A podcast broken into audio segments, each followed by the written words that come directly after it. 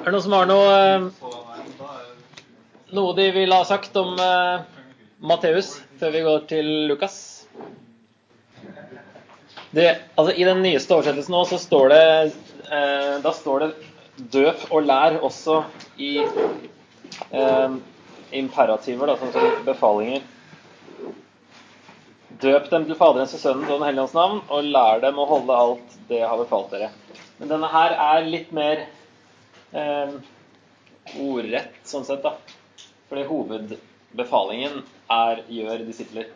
Og der står også 'gå'. For de som kan litt grammatikk, så står det i en, eh, i en partisipp, eh, og ikke som en imperativ. Så egentlig, for en bokstavoversettelse, så står det 'havende godt'. Gjør disipler, døpende og lærende. Så det er veldig tydelig at hovedvekta ligger på å gjøre disipler. Men at gå oversettes i nesten alle oversettelser også som en, en befaling, fordi den konstruksjonen da, det henger så veldig sammen. Den havende godt, gjør disipler, betyr egentlig gå og gjør. Det er sånn, som det brukes ellers i Matteus også. Gå og si. Du kan ikke stå her og si det, du må gå og si det. For det er naturlig at du må gå for å gjøre det. Ja. Så det her um, det er da 78-oversettelsen jeg har brukt her, da. Og der står det 'ut'. Som det er bedre å ikke ha det med, kanskje, som det ikke er med her. Så det er veldig mye Ja, jeg var liksom visste ikke helt hvilken jeg skulle bruke. Landa litt på den her, da, så så jeg først nå at 'ut' sto der. ok, skal vi se på Lukas? Er det greit? Da er det siste kapittel i Lukas, Lukas 24. Um, vi se, Før vi kommer til den teksten, så er det da som sagt den første, den vi leste om i Johannes, den når de møtes eh, eh, samme dag som Jesus har stått opp igjen. Det er eh, etter altså lange historien om Emmaus-vandrerne, så kommer de tilbake. Eh, og så står det i vers 36 i Lukas 24. Mens de snakket om dette, sto Jesus selv midt iblant dem og sa Fred være med dere. Så ligner det veldig på det vi leste i Johannes. Eh, han sier 'se på hendene og føttene mine, det er jeg, ta på meg og se'. Og så ja, har dere noe å spise her. Så at han spiste mens de så på. Og så kommer da liksom rett over i neste. Så sa han til dem Da får vi jo inntrykk av at det her er fortsatt første dagen, altså samme dag som han sto opp. Um, så sa han til dem, det var dette jeg talte om da jeg ennå var sammen med dere, og sa at alt måtte oppfylles som står skrevet om meg i Mosloven, hos profetene og i salmene. Da åpnet han deres forstand så de kunne forstå Skriftene, og han sa til dem, slik står det skrevet, Messias skal lide og stå opp fra de døde tredje dag, og i hans navn skal omvendelse og tilgivelse for syndene forkynnes for alle folkeslag. Dere skal begynne i Jerusalem. Dere er vitner om dette. Og se, jeg sender over dere det som min far har lovet, men dere skal bli i byen til dere blir utrustet med kraft fra det høye. Og så det neste som skjer, er faktisk så førte han dem ut mot Betania, og han løftet hendene og velsignet dem. Og mens han velsignet dem, skiltes han fra dem og ble tatt opp til himmelen. De falt på kne og tilba ham. Så vendte de tilbake til Jerusalem med stor glede. Siden var de stadig i tempelet og lovpriste Gud. Så hvis du leser det her, så førsteinntrykket er at den dagen Jesus sto opp igjen, var også den dagen han dro opp til himmelen. Så sa han til dem. Så førte han dem ut. Det høres ut som det er det neste som skjer. Men nå har jo Lukas også skrevet bind to. Det er jo apostlenes gjerninger. Og det er liksom noen som mener at her er en motsetning, men det er vel heller at, han, at det forklarer litt hva han mente her, eh, enn at han har motsagt seg sjøl. Når det står um, i min første bok, 'Gode Theofilos', skrev jeg om alt det Jesus gjorde og lærte, fra han begynte og helt til den dagen han ble tatt opp til himmelen. Da hadde han ved Den hellige ånd gitt sine befalinger til de apostler han hadde utvalgt. Etter å ha lidd døden sto han levende fram for dem med mange klare bevis på at han levde. I 40 dager viste han seg for dem og talte om det som hører Guds rike til. Da sier han at det var 40 dager han drev og viste seg. Tydelig at han, det skjedde ikke samme dag, selv om det hørtes sånn ut. Ehm, når vi da leser i lys av Apostelens gjerninger 1 her. Eh, og så sier han en gang han spiste sammen med dem, påla han dem dette. Dere skal ikke forlate Jerusalem, men vente på det som far har lovet, det som dere har hørt av meg. Det er jo noe av det samme som han sier her. Og så står det ja, mens de var sammen, spurte de ham, la, la, la, litt dialog, og så sier han Men eh, eh, ja, dere skal få kraft når Den hellige ånd kommer over dere, og dere skal være mine vitner i Jerusalem og i hele Judea, i Samaria og helt til jordens ende. Her er jordens ende. Her er det geografisk, faktisk. For her snakker han om sant, Jerusalem, Judea, Samaria. Enda lenger og lenger ut, da. Helt til jordens ende. Da han hadde sagt dette, ble han løftet opp mens de så på, og en sky tok han bort foran øynene deres. Så det skjer etter at han har sagt det her i Apostelens gjerninger 1. Um, fordi Det er ikke noe problem at, at Matteus slutter som han gjorde, fordi himmelfarten skjedde jo ikke da. Den skjedde jo ikke fra Galilea. Det var bare en misjonsbefaling. Og så velger Matteus å stoppe der. Eh, kanskje fordi det knytter til sammen når Jesus sier til slutt 'Jeg er med dere alle dager inntil verdens ende', så er noe av det første som skjer i Matteus, er denne Immanuel-profetien. Gud med oss. Det kan være at han syns det er en grei Når liksom ringen sluttet, komme tilbake til den første profetien som nevnes i Matteus, om at Gud er med oss, og at Jesus sier 'Jeg er med dere'. Men det er ikke der himmelfarten skjer, så de tydeligvis drar tilbake til Jerusalem. Selv om du får inntrykk av at det skjer samme dag når du leser Lukas. Men disse overgangene Så sa han til dem, så gjorde han det. Der har det tydeligvis gått flere dager imellom, uten at det er tydelig. da. Men siden det er tydeligere i apostlenes gjerninger, og det er der vi faktisk har de 40 dagene nevnt, så er det jo tydelig ja. Det virker ikke som det skjer samme dagen, selv om det ser sånn ut. Um,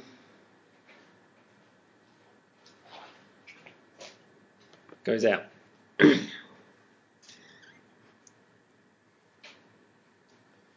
Ja, I Galilea så er det også den, som sagt, den eh, når de møter Jesus på stranda. så Han har vist deg for dem to ganger der oppe også. Så dette blir da den ja, femte, hvis ikke det er flere ganger der oppe i slutten av Johannes evangeliet.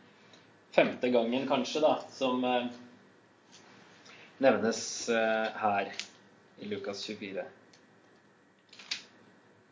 akkurat den, det avsnittet her, da. Eh, hvis det er siste gangen er, Jeg tror kanskje det er fem ganger som er nevnt. da. Fem ganger Jesus viste seg. Men det kan selvfølgelig ha vært flere som ikke er nevnt. Den ene for Peter er jo ikke nevnt. Så den er også bare mellom linjene. Ok, eh, her er det da snakk om dem, som da blir litt vanskelig. Fordi hvor nært knytta er det her til det forrige?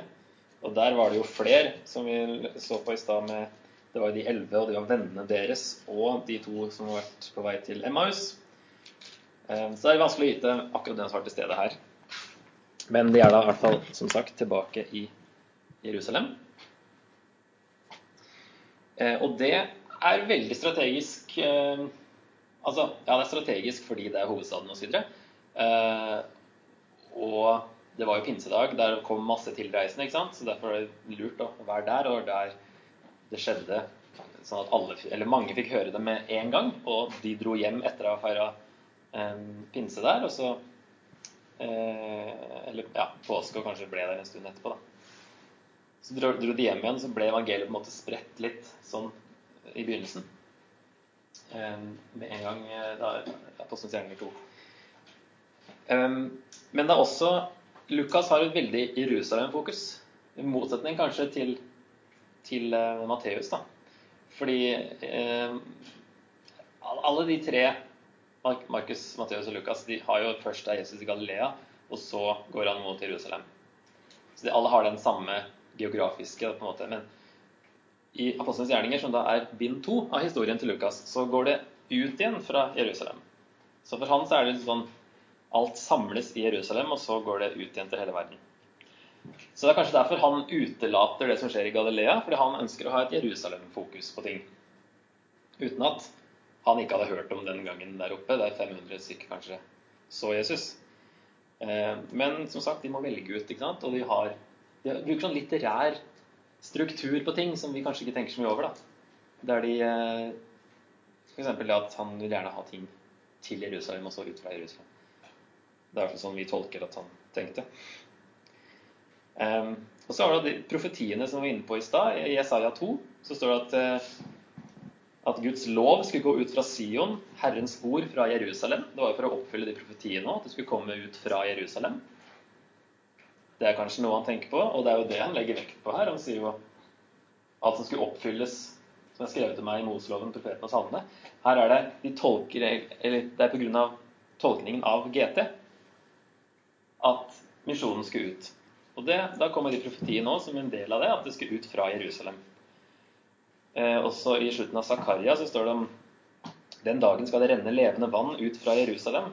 Halvparten til havet i øst og halvparten til havet i øst. Slik skal det være både sommer og vinter. Eh, det er veldig mye sånt som skal ut fra Jerusalem. Da. Så det er forståelig hvis Lukas da velger å ha det. Eh, utelate det som skjer i Galilea, fordi han har lyst til å fokusere på Jerusalem. her er den eneste tydelige befalingen de får, det er jo at de skal begynne i Jerusalem. Det er sentrum. Um, men de får jo mer oppdrag enn det, da. Hva er Ja, hva slags oppdrag vil dere si at de får i den, det avsnittet her? Skal forkynne omvendelse og tilgivelse for syndene? For alle folkeslag. Det er på en måte hoved... Selv om det ikke er tydelig som en grammatisk befaling, så er det det som er eh, oppdraget. Eh, kanskje det samme som Johannes mente med å sant, fastholde og tilgi synder. At det henger sammen med å forkynne omvendelse og tilgivelse. Og så er det responsen som bestemmer om det blir tilgitt eller ikke. Og så sier han også at dere er vitner om dette. Hva er det de er vitner om?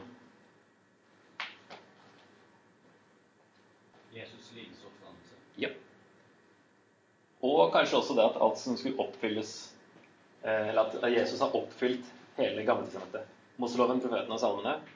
En måte å si hele GT. Eh, og ja, Messias skal lide og stå opp fra de døde tredje dag. Dere er vitner om dette. De hadde jo sett Jesus etter han sto opp igjen. Så de er jo vitner på en annen måte sånn sett enn oss. Um, ja, så her er det ikke en tydelig sånn gå ut og gjør folkeslag, men det er en på en måte en naturlig konsekvens av Gammeltestamentet som vi så på i begynnelsen. Misjon er noe som GT har eh, forutsagt skulle skje. Nå er alt blitt oppfylt, og da er misjonen da en naturlig neste, naturlig neste skritt.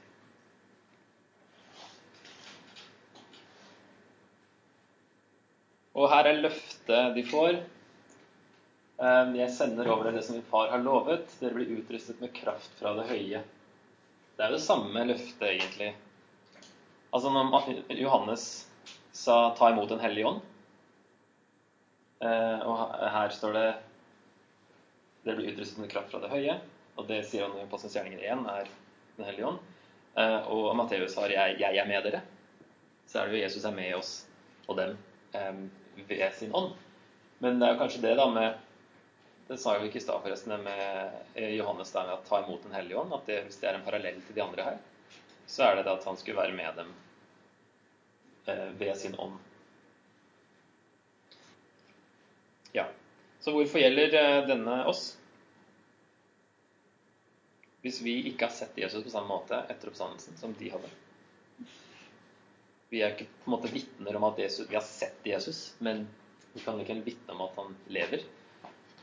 Men jeg syns likevel den her er veldig generell og grei. da, At hvis eh, misjon er eh, tolkning av Gammeltestamentet, så er det samme hvem det sies til. Da er det jo Guds vilje uansett. Det er det han har eh, Det han egentlig hele tida har jobba mot. da.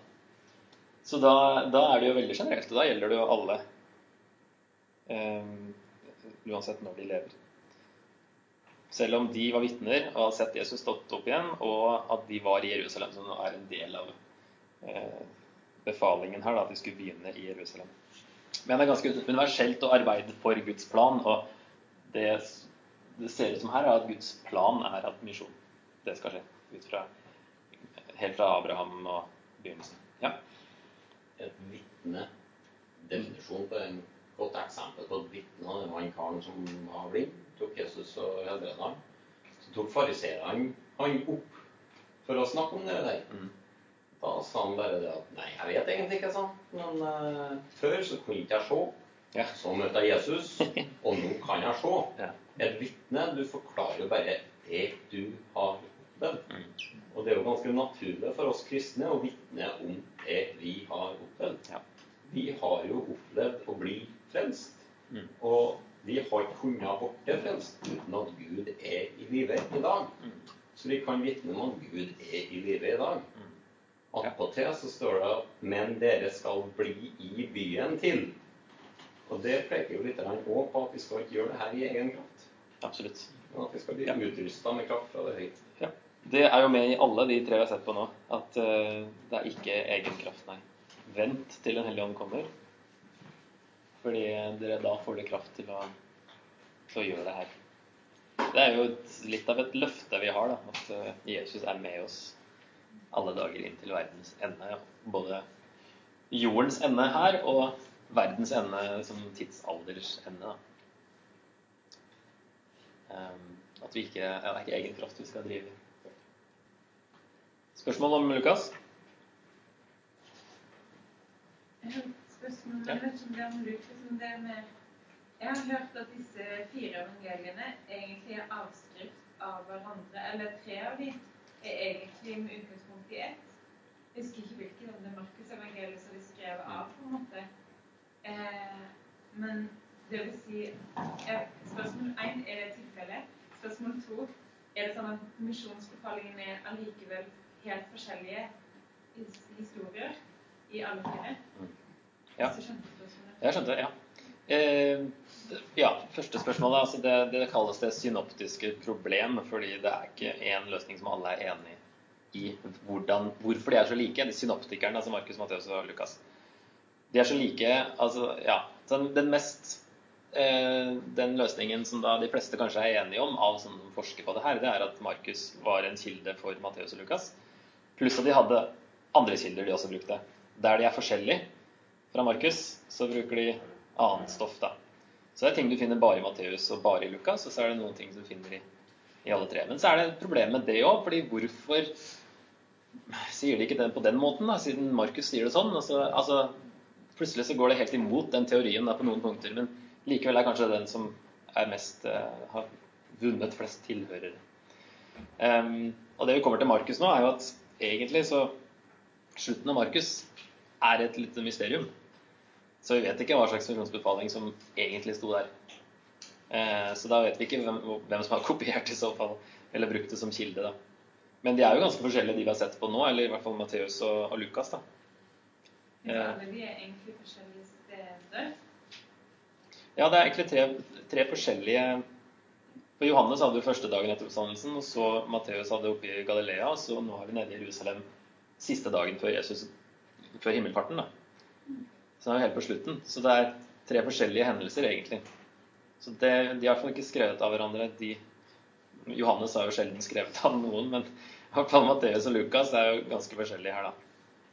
Ja, Vanskelig å vite akkurat hvordan det henger sammen. Mange teorier om noe, men Ma- Matteus var eldst. Eh, noen mener ja, Det er forskjellige datoer. altså Sikkert noen som mener Lukas var eldst. da. Eh, Men det er vanskelig å datere, for det, er, det står ikke tydelig hvem det er skrevet av eller til. sant? Så det er, det er tydeligvis ment veldig generelt, så det er vanskelig å finne ut akkurat de der detaljene rundt. Men vi kan jo se litt på Markus sin, da. Eh, kapittel 16 i Markus.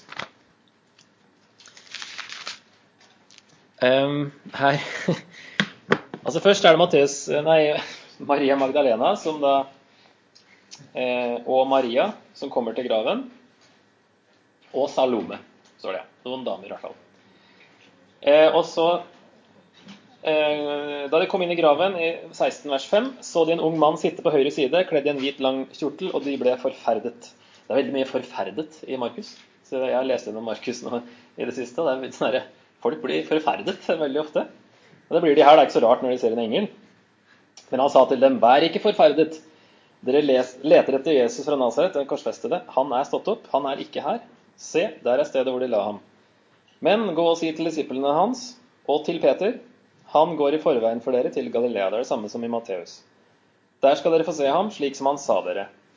Da gikk de ut og flyktet bort fra graven, skjelvende og ute av seg. De sa ikke et ord til noen, for de var redde. Igjen så er de liksom redde. Og så kommer de neste versene, men der står det en fotnote. fotnote. Hvis dere har sjekka den noen gang, så står det her fra vers 9 og ut evangeliet, så står det versene mangler i de eldste håndskrifter. De er kjent av enkelte kirkefedre i siste halvdel av hundretallet etter Kristus og finnes i yngre håndskrifter. En kortere avslutning finnes i andre yngre håndskrifter. Det er da Altså, det slutter så brått. De sa ikke et ord til noen, for de var redde. Og der stopper egentlig de eldste håndskriftene. Og liksom Hæ? Stopper evangeliet sånn? Det er greit, det er mye fokus på at folk var redde i Markus, men å ha det som siste som skjer, liksom, det er jo litt drøyt. Og Derfor har man tenkt ok, den, den vi har her, er en, måte å avslutte det på. Og så er det en annen en som da står i fotnoten her. Men alt de hadde fått påbud om, fortalte de straks til dem som var sammen med Peter. Etter dette sendte Jesus selv gjennom dem ut det hellige og uforgjengelige budskap om den evige frelse, fra øst til vest. Amen, står det til og med i den. Så det er jo et mysterium. Kanskje mangler den siste delen. Markus er liksom jeg, Som sagt, har lest gjennom i det siste og lest liksom veldig ord for ord. Og Det er første gang jeg har sett at fra vers 9 og utover så blir det plutselig en annen stil. Nå har det jo selvfølgelig med hvordan man oversetter til norsk, da, men det ble liksom så veldig generelt og litt sånn høytidelig i forhold til resten av Markus, der det er veldig sånn upolert og eh, Det er sånn her, en kladd, nesten, på, i forhold til Matteus og Lukas. da. Så det, det, er en teori på at de har brukt Markus som en kilde, fordi det er så det er liksom så røft, på en måte. Det er et sted det sto når, han, når Jesus henger på korset, og han, han ene løper fram med Eh, den eh, stanga med Jeg vil gi ham å drikke, står det. Da løp en bort og fylte en det er 14, nei, 1536. Da løp en bort og fylte en svamp med vineddik, satte den på en stang og ville gi ham å drikke. Han sa, 'Vent, la oss se om Elia kommer for å ta ham ned.' Så det sånn, hæ? Han samme fyren som løp bort med stanga, plutselig sier 'vent'. Det liksom, det har jeg aldri lagt merke til før. Og så ser jeg i Matteus, da står det 'men de sa'. Liksom, vent. Eh, men på gresk så ligger subjektet i verbet. Så det er ikke Markus har bare skrevet liksom, det var en eller annen som sa, men han har ikke spesifisert hvem. Ikke sant? Det er sånne ting som er så Det er sånn i Markus litt uh, unikt. da. Og så kom plutselig slutten her, som blir noe helt annet. Følte jeg for første gang. Jeg visste at det ikke var i de håndskriftene, men nå så jeg det plutselig litt i, i teksten også. Um, for først så sier det da Etter at Jesus har stått opp igjen, Tidlig den første dagen i uken viste han seg først for Maria Magdalena, som han hadde drevet sju onde ånder ut av. Hun gikk av sted og fortalte det til dem som hadde vært med ham, og som nå sørget og gråt. Men da de fikk høre at han levde, og at hun hadde sett ham, trodde de det ikke. Eh, det er jo det som eh, skjer i Johannes 20, rett før det vi leste i stad, når han møter Maria Magdalena. Det, ja, det virker som han liksom de Eh, at det hentes litt fra de andre evangeliene som vi nå har sett på. Da. Og så, fra vers 12, står det senere viste han seg i en annen skikkelse for to av dem mens de gikk på veien og skulle ut på landet. Det er de to på vei til Emmaus. Også disse kom og fortalte det til de andre, men de trodde ikke dem heller. Til sist viste han seg også for de elleve mens de var samlet til måltid. Han bebreidet dem for deres vantro og harde hjerter, for de hadde ikke trodd dem som hadde sett at han var stått opp. Så Det har vi sett i de andre evangeliene. Så jeg på en måte henter litt fra de andre evangeliene her. Og så kommer selve liksom, misjonsbefalingen da, i Markus. Um, ja, nå leste jeg det første verssetningen der. Uh, de hadde ikke trodd dem som hadde sett at han var stått opp. Og han sa til dem, gå ut i hele verden og forkynn evangeliet for alt som Gud har skapt. Den som tror og blir døpt, skal bli frelst. Men den som ikke tror, skal bli fordømt. Disse tegnene skal følge dem som tror. I mitt navn skal de drive ut onde ånder, de skal tale nye tungemål, de skal ta slanger i hendene. Om de drikker dødelig gift, skal det ikke skade dem, og når de legger hendene på syke, skal de bli friske. Eh, og så er det et par vers til. Etter at Herren Jesus hadde talt med dem, ble han tatt opp til himmelen og satte seg ved Guds høyre hånd. Men de gikk ut og forkynte overalt, og Herren virket med og stadfestet ordet gjennom de tegn som fulgte. Um, ok, hvor er vi nå? Um, hvis Det er ikke tydelig hvor de er hen, men fra vers 9 til 14 så altså Først Maria Magdalena. Det er i Jerusalem, samme dag som står opp. Emmaus-vandrerne er på vei ut av Jerusalem. Så kommer de tilbake, og så kommer Jesus òg og viser seg for dem. Så det er den, det som vi så i den andre gangen han viser seg. Um, nei, første gang han viser seg for disiplene. Så er det andre gangen blir Thomas en uke etterpå. Og Da er de tydeligvis i Jerusalem fortsatt. Og så er det ikke noe tydelig at de er noe annet sted når dette her kommer. Og han sa til dem, står det bare. Og da er det jo litt interessant at i vers 7, det vi leste i stad, så sier engelen han går i forveien for dere til Galilea. Der skal dere få se ham slik han sa til dere. Så han har sagt det også tidligere i Markus, at jeg, som han sa i Matteus, jeg eh, skal møte dere i Galilea. Så du har Nå blir det jo veldig sånn jeg har ikke akkurat bibeltime nå, men det er interessant med disse manuskriptene. At det er ikke i de eldste manuskriptene. Pluss at det er en indre eh, problem med hvor de er, da. Hvis de er i Jerusalem, virker det som, i teksten her, mens resten av Markus sier at de, at de skulle dra til Galilea. Så du har på en måte indre eh, indre kriterium, sånn sett, da, at teksten det du leser, ikke henger helt sammen. Og så har du det ytre kriteriet at det ikke finnes i de eldste håndskriftene. Og det er jo vi er ganske åpne om det altså i fotnotene, hva som ikke finnes i de eldste håndskriftene. og sånn, Så det er litt tolkning. Eh, og det er litt forskjellige filosofier man bruker når man lager en oversettelse. Eh, skal man holde seg til de yngre håndskriftene, som det finnes veldig mange av, som har med ofte flere vers, som f.eks. det her, eller skal vi gå til de eldre håndskriftene som det fins veldig få av, men som da noen mener er mer troverdig? Så King James eksempel, holder seg til de yngre og mange, mens uh, denne her uh, bibelselskapet og ja, den i hvert fall holder seg til de Eller har som regel ikke med de versene, bortsett fra de som er veldig kjente, altså som her, slutten av Markus, men alltid med fotnote. At dette her fins ikke i de eldste håndskriftene. Um, så det er ikke noe sånn skummelt. Vi har alltid visst det. At det ikke fins i de eldste deltidshåndskriften. Det er ikke sånn at blir at vi trekker Bibelen i tvil, egentlig. Men, men eh, jeg blir jo litt sånn nølende til å basere altfor mye på det her, da. Hvis det ikke var opprinnelig. Eh, det er heller kanskje et eh, litt refleksjon Eller det viser hva, hvordan misjonen så ut på slutten av 100-tallet, eller når det er fra. da.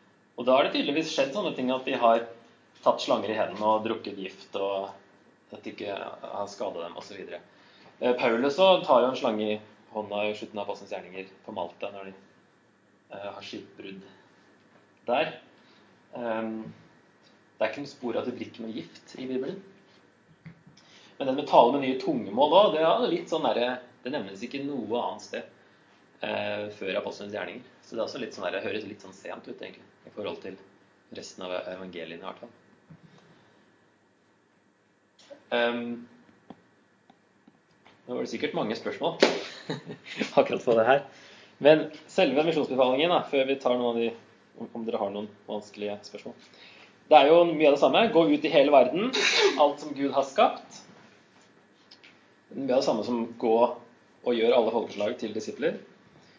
Eh, Forkynn evangeliet. Det er jo en måte å si det som Lukas sa, med at omvendelse og tilgivelse på syndene skulle forkynnes. Det er jo evangeliet i et nøtteskall. Eh, den som tror og blir døpt, det ligner jo også på Matteus i det dere døper dem. Eh, så det som ikke tror, skal bli fordømt, det virker som en parallell til det Johannes hadde med at dersom dere fastholder syndene For noen så er de fastholdt. De som ikke tror, får ikke syndene tilgitt og er da fordømt. Og de tegnene, det er jo ikke oppdrag, da. Det er jo Man skal ikke gå og drikke gift på gjørs, liksom. Det er ikke det som er befalingen. Men sånn som de snakka om i pausen, at hvis det, hvis det plutselig i en forfølgelse eller eh, Du snakka om muslimer, var det det? Som Jeg så, et vitnesbyrd fra en muslim som hadde eh, eksempel på at familien prøvde å få. Ja, Der gifta ikke han effekt. ja nemlig. Ja. Så i sånne tilfeller Han, eh, han hadde møtt Jesus. I sånne tilfeller så er jo det her noe som fortsatt skjer, da. Og det skjedde tydeligvis på 100-tallet. Em, så lite trolig at det var en del av, av, av Matteus til å begynne med, men man kan jo aldri vite. Men det er en del ting da som virker annerledes enn resten av evangeliet. Og Det er jo også det mest bombastiske verset på når de legger hendene på syke, skal de bli friske. Det er ikke sagt så på den måten, tror jeg, noen andre steder. Det står i Jakobs brev så står det ca. det samme, men ikke så at de skal bli friske. da. For det vet vi jo skjer jo ikke alltid. Det vil jo ikke si at vi ikke tror. ikke sant? Vi kan ikke legge for mye teologi inn i akkurat dette her, mener jeg. da. Jeg tror selvfølgelig at folk blir helbreda, men vi vet jo at det ikke skjer alltid. Og det, det å være for bombastisk her, da, disse tegnene skal følge den som tror Og hvis vi legger hendene på syke og de ikke blir friske, betyr det da at vi ikke er blant de som tror? Det blir gal teologi. Og da tror jeg vi legger for mye i de versene her, som da etter ja, mange ting tyder på ikke var skrevet av Markus. da. Og som Jesus ikke sa. Hva sa du? Det står jo forskjellig om det andre plasser i Bibelen. Om helbredelse, ja. Ja, for eksempel om, bønn Ja da, og det var det i i Jakob som var kanskje det jeg i hvert fall fant i farta, som var eh, det som kom nærmest. Som òg høres jo ganske sånn det kommer til å skje hver gang dere ber for syke, men likevel kanskje ikke like krast som her. 5.15 eh, eller fra 14, er noen blant dere syke, han skal kalle til seg menighetens eldste, og de skal be over ham og salve ham med olje i Herrens navn. Da skal troens bønn redde den syke, og Herren skal reise ham opp. Har han gjort synder, skal han få dem tilgitt. Men det er likevel ikke en kobling til at um, da skal troens bønn redde den syke. Her er det litt annet fokus da, enn at her er det de som, de som legger hendene på, eller de, de som tror når de legger hendene på noen som er syke, så skal de bli friske. Ok, Det er, det er ikke noe sånn eh, at Bibelen blir litt sånn Jeg håper det absolutt ikke blir det dere sitter med nå, at vi kan ikke stole på Bibelen. Altså Det er alltid en fotnote når det er sånne ting som kanskje ikke var med i de eldste håndskriftene. Ja? skulle si at uh, I Matteus 10 så er det jo uh, folk- De gjør disiplene uh, beskjed om å kaste demoner, vekke opp de døde og, og uh, sette, legge hendene på de syke også. Ja da. Ja, ja, ja. det jo ikke Absolutt. Det er ikke her. Det er bra du tar opp det. Det er ikke eneste stedet det står. Absolutt ikke. Og jeg tror selvfølgelig det skjer. Men eh, jeg tror vi alle vet at det ikke skjer hver gang. Sånn som du kanskje får inntrykk av her, da. Så, og så er et spørsmål til deg. Hva tror du er grunnen til at man putta eh, Markus 16, 14, 18 i, i eh, teksten da, hvis det ikke var med i det originale? Ehm, det er den, det, de versene her og den historien eh, som var prekt om i dag, i hvert fall, tror jeg, her oppe med kvinnen som ble grepet i hor, og de som vil steine, og Jesus som skriver i sanda. Den er òg heller ikke med i de eldste håndskriftene, men er såpass kjent i Det fins vel òg noen Lukas-manuskripter som har det i Lukas. Eh, og så er det mange kirkefedre som vet om den historien ganske tidlig. Så det er de to som de har tatt med De fleste bibler har med de, da. Fordi det er såpass kjente historier. Og det går ganske langt tilbake, da. Til 100-tallet i hvert fall. Så om det ikke var opprinnelig en del av manuskriptet, så er det i hvert fall en veldig, veldig gammel eh, overlevering. Sånn at det kan godt hende at Jesus at, den, at det skjedde. Det håper jeg òg, for det er jo en veldig fin historie. Det med den, med den som ikke har syn, kan kaste den første steinen. Eh, ja, så jeg, nei, jeg tror jeg, det kan være noe sånt at de er gamle tradisjoner eller overleveringer uansett. Men det er alltid notert, i hvert fall enten i klammer eller med noen andre merknader. Jeg føler vi sporer litt av det vi egentlig skulle snakke om her, men vi, måtte jo ta det egentlig med Markus, da. Um, men altså, det er aldri noe essensielt da, som man blir i tvil ja, Hvis ikke du er veldig fokusert på å drikke gift eller ta sjanger i hendene, så er det her du kanskje får litt problemer. Men ellers er det aldri noe sånn vesentlig det rokkes ved når det er ulikheter i manuskriptene. Så jeg tror absolutt at Gud har hatt full kontroll med at det viktigste ble med. Og det viktigste er tydelig og klart. Men det er noen små detaljer rundt omkring som man lurer litt på. Så er det noen manuskripter som er annerledes. Men det er egentlig Det viser at det er menneskelig. Eh, altså mennesker som har kopiert manuskriptene, og som har gjort menneskelige feil. Men at Gud likevel har eh, tatt, ja, bevart eh, sitt ord gjennom det. Og at vi der, siden vi har så veldig mange kopier, så har vi så veldig mye å sammenligne med. Så vi eh, med, anslår 99,5% sikkerhet kan vite hva originalen sa. Fordi vi har mange tusen manuskripter å sammenligne med. Men det er selvfølgelig noen variasjoner fordi mennesker gjør feil. Men siden vi har så mange, så er det ikke noe problem egentlig å, å vite hva originalen sa, når det er liksom to forskjellige ord som brukes da, eller noe sånt. Um, tror du det var en annen Om det var en annen slutt? Ja, det var det i originalen. Ja, det er det. Det er jo litt brå slutt, da, sånn som man har det hvis det er vers 8. Ehm, det, vet jeg ikke. Enten Enten så er det noe at det blir revet av eller et eller annet. Altså, men det at du finner en annen alternativ slutt òg, så er det jo litt interessant at um, Ok, det er tydelig på at eh, det var i hvert fall ikke Det var veldig mange som ikke hadde den originale slutten, da. Uh, hvis det var noen hadde den, og noen har den lengre, og noen har ingen. Så det er tydelig at eh, noe rart er det der. Så jeg vet ikke eh, om det mangler eller ikke. Det er jo brev av Paulus vi mangler òg. Det er ikke alt som er tatt vare på. Men det er vel ikke noe annet sted vi vet at noe har blitt revet av et manuskript.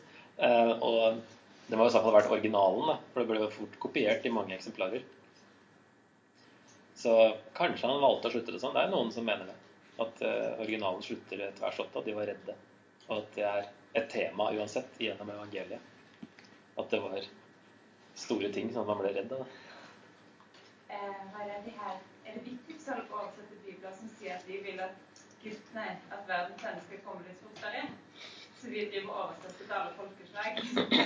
Eller tuller litt med det, da? Ja, nemlig. Ja, men det, det er jo en litt interessant tanke det at kan vi i det hele tatt uh, utsette Jesu gjenkomst ved å la være å forkynne evangeliet?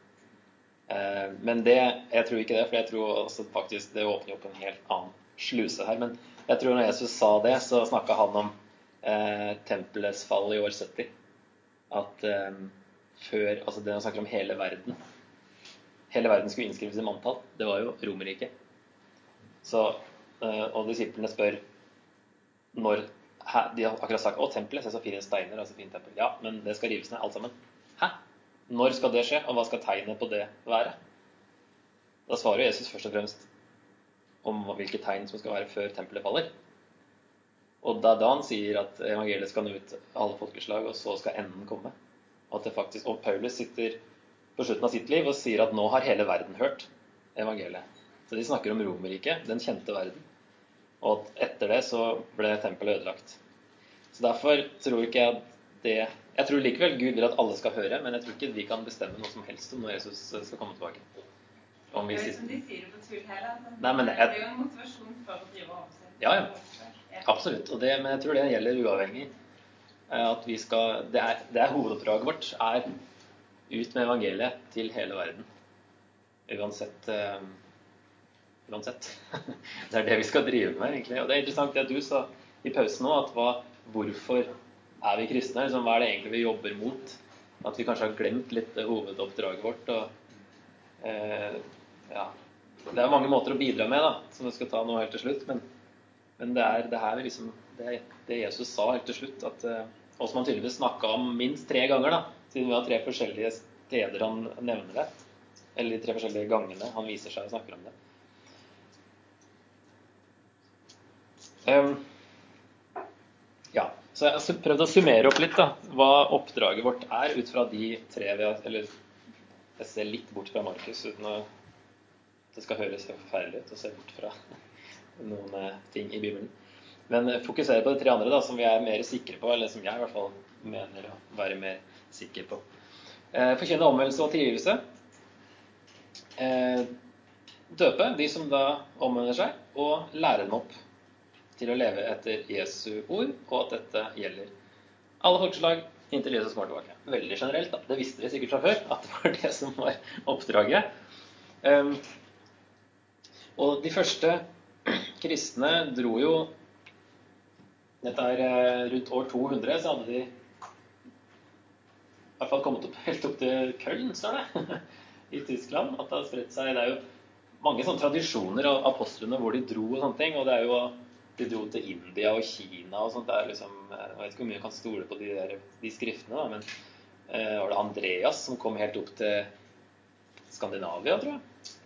Så det er veldig sånn Man kan spekulere da, hvor faktisk hvor langt de kom, men tydeligvis det var jo en eksplosjon da, eh, som verden aldri har sett maken til. At et sånt budskap, som egentlig var helt latterlig At en mann som har dødd på et kors, skulle liksom ha betydning.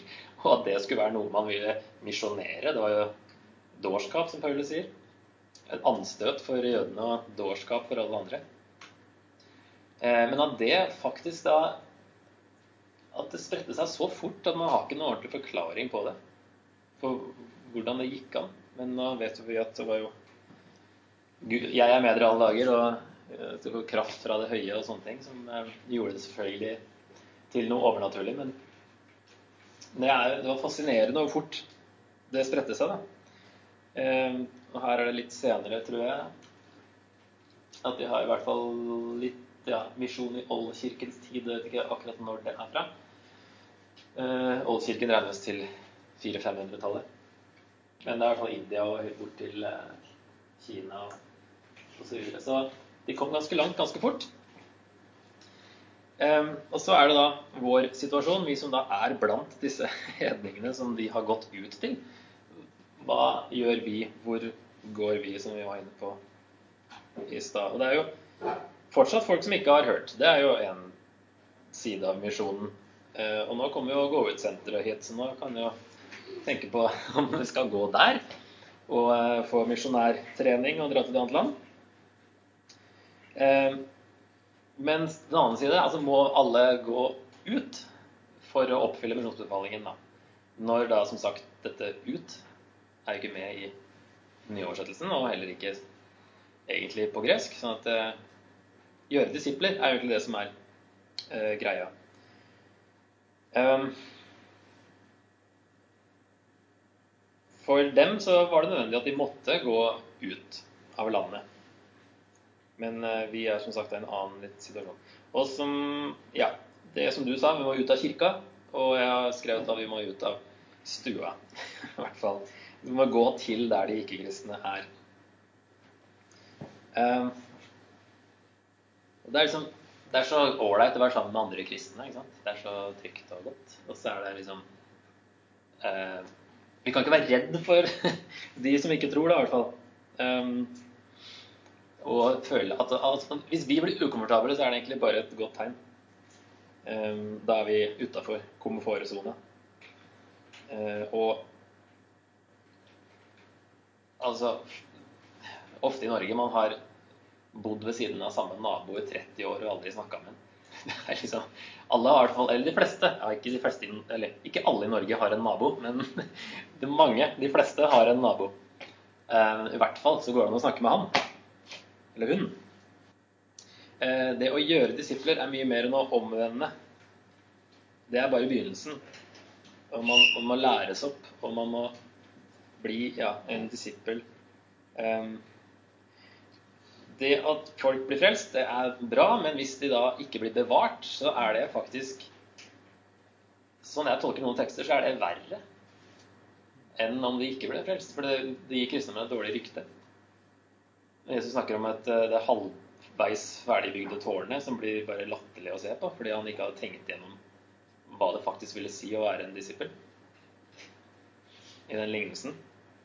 Eh, og saltet som mister sin kraft osv. Kan aldri få den funksjonen tilbake og sånne ting. Så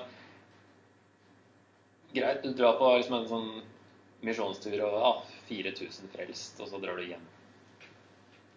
Det er egentlig Det er ikke oppfyllelse av misjonsbefalingen. Vi skal gjøre disipler. Vi skal ikke bare få dem omvendt. Og det er jo da veldig mange måter å bidra til å gjøre disipler. Eh, ikke bare altså, Det å støtte økonomisk misjonærer, det er selvfølgelig én ting, men det er mye her hjemme òg som kan gjøre til å styrke eh, disiplene. Eh, alt fra søndagsskole til studentarbeid og bibelgruppe og, og trosforsvar, ikke minst. Den overgangen fra ungdomsgjeng til student er jo der veldig mange plutselig får masse nye tanker. og Det er mange som eh, får troskrise. Ja, vi kan ta med det her, da. Vi trenger ikke å få et kall. Vi har allerede et oppdrag. Vi vet hva Jesus ville vi skulle gjøre. Så vi trenger ikke å sitte og vente på å få konkret hva vi skal gjøre. Men eh, kan prøve å finne ut hvordan vi kan bidra med til å gjøre disipler også. Eh, bare helt til slutt, det, De få gangene Jesus bruker ordet disippel, det er fem ganger han snakker om eh, Eller ja, i hvert fall kan vi summere det opp i fem punkter. Der han snakker om hva en disippel er, bare for at vi skal gjøre disipler. Eh, så er det jo en som blir mer og mer lik eh, Jesus. Og det at eh, en disippel blir opplært i Jesu ord, det er jo det fra Matteus 28, og blir i dem, sier han. At man er en som da holder seg til Jesu ord, egentlig, lever etter dem. Eh, setter Jesus høyere enn alt annet. Der er det med det tårnet som er halvveis eh, ferdig. Um, og kongen som drar ut i krig uten å ha tenkt hvor mange folk han har i forhold til eh, den andre kongen. Og sånne ting, og at det du må tenke gjennom da. Eh, kostnadene ved å bli en disippel. Og det er interessant at her er Jesus han er en helt skokk med folk som følger seg, og da begynner han å snakke om det ikke bare bare å være disippel.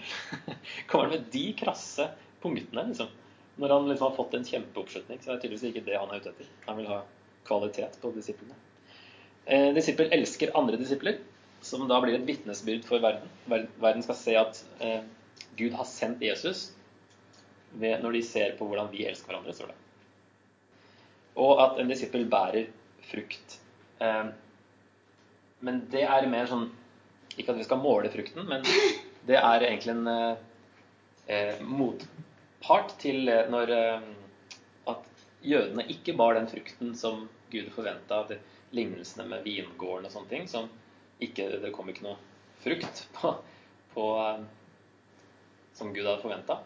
Eh, men nå, alle som er i Jesus, bærer frukt. Så jeg på en måte, så lenge vi er, blir i Jesus, er jo det han sier da. Jeg er vintreet. Den som blir i meg, bærer frukt.